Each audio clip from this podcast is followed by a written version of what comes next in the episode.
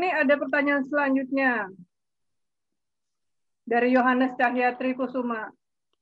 Katanya sebelumnya perkenalkan saya Cahya bermaksud menanyakan dalam menulis sebuah buku, apakah proses penulisannya dilakukan setiap hari dengan durasi tertentu hingga buku tersebut tuntas ditulis? Terima kasih. Ya 40 tahun apakah tiap hari ditulis atau gimana Pak Peter itu? Silakan Pak. Ya, kalau penulis Prancis eh, Zola, dia punya salah satu semboyan. Nulis dia um, eh, sini linear. Um, tidak ada hari tanpa ada um, satu baris yang ditulis. Ya. Hmm. Uh, jadi seorang yang seperti Zola yang harus hidup dari penulisan itu salah satu keharusan. Ya. Um, kalau kita mau tahu menau dan kita mau uh, mengasah kapasitas kami seperti uh, penulis, kita harus mempergunakan ini. Um, itu seperti kita praktek dengan uh, violin atau uh, piano atau ya kita practice makes perfect dan style um, selera cara untuk menulis adalah musik kami adalah irama kami adalah keharmonisan dan setiap irama sedikit lain dari yang lain ya jadi menulis buku tidak bisa um, seenaknya tapi juga tidak bisa paksa ya um, dan kadang-kadang kita harus kalau seorang Flaubert, uh, orang penulis Prancis, setelah satu hari menulis, dia pergi ke kebun dan dia teriak apa yang dia tulis kepada hutan dan dia dengar echo, dia dengar bagaimana suara dari hutan yang apa yang dia sedang dilontarkan. Apakah dengar menarik, flowing, atau kurang baik. Ya. Jadi menulis seperti membuat salah satu um, beaten copper plate. Kita akan um, memata atau membuat uh, atau uh, membuat satu um, hiasan uh, dari emas atau dari tembaga. Ya. Terus menerus kita harus kerjakan. Jangan terlalu cepat satisfied. Dan jangan um, ojo dume ya, uh, sebab kita bisa salah. Saya sudah lama tidak mengerti maksud dari apa yang terjadi waktu Diponegoro lahir dan masih bayi muda dia di, diambil uh, uh, ke dalam pelukan dari dia punya uh, yang buyutnya uh, Sultan Mangkubumi. Saya pikir bahwa Sultan Mangkubumi menoleh kepada ibunda dan bilang, uh, jagalah baik-baik anak ini. Tapi dia tidak menoleh ke ibunda, dia menoleh kepada permaisuri dan dia bilang, Bawa Ratu, jagalah baik-baik anak ini sebab nanti kelak uh, wonten lakon ingkang lui gede, nanging wekasan walahu alam, hanya Tuhan yang akan tahu apa yang terjadi. Jadi kita harus dengan babat, kita harus dengan naskah, dengan sumber, betul-betul tahu menau. Itu uh, harus di dalam sum-sum tulang kami. Kita harus jangan baca selalu, terus baca dan ulang, membaca ulang dan membaca ulang hingga bisa muncul salah satu pattern. Ya. Jadi menulis, ada disiplin menulis, ada self-kritik, ada kritik dari orang lain, dan tanpa ada praktek tidak mungkin akan ada satu kemajuan ya. Um, dan kita harus jangan satisfied ya. Uh, selalu bisa membuat sesuatu yang lebih baik. Pak Peter, tadi pertanyaannya kalau Pak Peter ya. sendiri bagaimana? Apakah punya waktu rutin menulis uh, untuk Pak Peter sendiri? Apakah setiap hari menulis satu jam atau bagaimana Pak Peter? Ya, setiap hari saya tidak tahu apa yang akan terjadi di dalam hari itu. Mungkin saya harus ada vaksin, saya harus ada uh, pergi ke pasar untuk belanja, pergi pagi ini untuk bayar um, pajak bumi dan bangunan, uh, harus kirim uh, perpustakaan Sanata Dharma. Uh, ya, setiap hari ada ada tugas-tugas yang bermacam-macam. Tapi saya pikir apa sebenarnya uh, tugas pokok saya untuk hari ini? Apa yang saya harus selesaikan?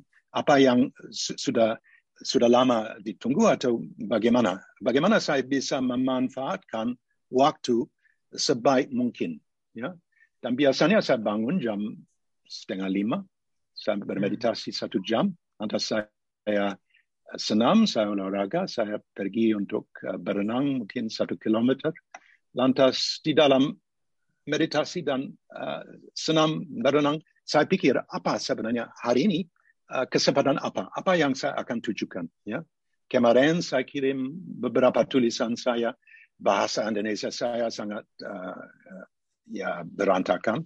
Uh, saya minta pertolongan dari teman-teman saya di Bali dan di di sini untuk uh, membuat terjemahan dari dari bahasa saya yang uh, sebenarnya ada terjemahan dari uh, apa yang ditulis oleh um, Pangeran Hendrik uh, uh, sang pelaut waktu dia menghadap dengan Diponegoro.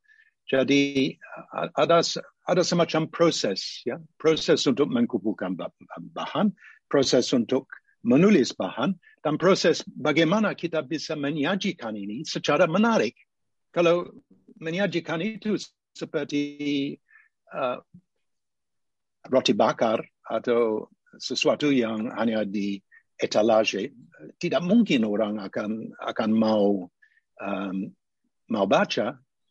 Untuk pembacaan kita harus betul-betul um, membuat sesuatu yang menarik. Uh, sejarah adalah ada unsur menulis roman, tapi roman dengan semua yang nyata seperti Nomadland. Ya. Nomadland adalah pemenang dari Oscar tahun ini, tapi konstituensi untuk Nomadland adalah semua orang di Amerika yang sedang um, ya, berkeliaran, ya, tidak punya rumah tetap. Mereka hidup di dalam camper van atau caravan dan pindah dari satu tempat ke tempat lain. Ya. Dan orang yang pernah nonton film yang menang dari Oscar dari sutradara yang um, Tionghoa, um, Zhang, uh, dengan um, aktris yang uh, McDormand yang menang Oscar untuk uh, peran yang paling baik untuk uh, perempuan aktris. Semua bilang ini tepat sampai detail, sampai detail yang kecil, semua tepat ya. Tidak ada yang dibumbuin seperti di Hollywood, uh, Hollywoodization. Dan itu sama dengan seorang sejarawan. Semua harus tepat. Hmm. The past is a foreign country. They do things differently there. Yang lewat, yang yang sudah sudah menjadi sejarah adalah satu negara asing dan mereka bertindak lain dengan kita pada masa sekarang dan kita harus membaca, harus bisa mengetok pintu dari salah satu negara asing untuk bisa membuka pintu untuk sejarawan. Kalau kita ambil, kita punya sfer pikiran. Kita punya sfer pikiran yang sangat logik, pergi ke dalam um, dunia dari abad 18 di Jawa, tidak mungkin kita akan bisa mengerti. Ya, so kita harus membuat satu second identity. Tapi kalau kita menulis, semua harus tepat. Kita buat film mengenai Diponegoro, jangan dibumbuin semua harus tepat. Seperti um, ya waktu membuat film dari uh, November 1828, uh, Teguh Karya pun kalau sumpamanya ada kates, ada, ada, ada, ada tumbuhan di dalam desa yang tidak ada pada abad uh, 19, dia akan tutupi, dia akan potong. Dia mau bawa sper yang dia um, munculkan dalam film ada sesuatu yang paling nyata. Dan ini juga tugas dari sejarawan. Hmm, hmm, hmm. Itu makanya dalam setiap kali uh, buku Pak Peter uh, dicetak ulang, Pak Peter itu meriksa kembali dengan seksama ya Pak, bukan hanya salah ketik tetapi juga data pokoknya ya Pak ya. Ya, se sebab ya masuk akal. Ya, kita akan we're learning new things every day. Tidak ada hari tanpa ada pengetahuan baru. Hmm. Uh, dan itu semestinya kalau kita mau ada Alzheimer's, uh, silakan kita tutup uh, motor dan tidak pikir lagi. Tapi setiap hari kita bisa membaca sesuatu yang baru, kita bisa mengetahui sesuatu yang baru dan seperti kita sedang naik melihat uh, perspektif yang yang baru dan perspektif yang baru um, harus di harus dimuat. Itu bukan sejarah bukan statik. Itu seperti Heraclitus. Kita tidak um, uh, letakkan kaki di dalam um, kali yang sama. Um, air mengalir setiap detik, setiap menit air mengalir. Ya, sejarah mengalir kita akan menulis sejarah yang jauh berbeda sekarang daripada 100 tahun yang lalu. Apa yang ya fakta dari sejarah tidak berubah, tapi pandangan kita terhadap fakta sejarah berubah. Um, dan saya menekankan di dalam sejarah saya kemajuban dari salah satu um, masyarakat Jawa di mana ada orang Arab, ada orang Armenia, orang Yahudi, ada orang uh, Peranakan yang sudah masuk Islam di Lasem dan Rembang, Cina kecil, dan semua bergabung dengan um, Diponegoro. Diponegoro bukan orang yang itu-itu saja. Dia punya eyang buyut dari Bima, dia punya eyang dari Pamakasan, dia punya ibunda dari Sukoharjo, uh, dari Tembayat, dari Majasto. Jadi ada macam-macam warisan. Ya, kita harus mengerti itu.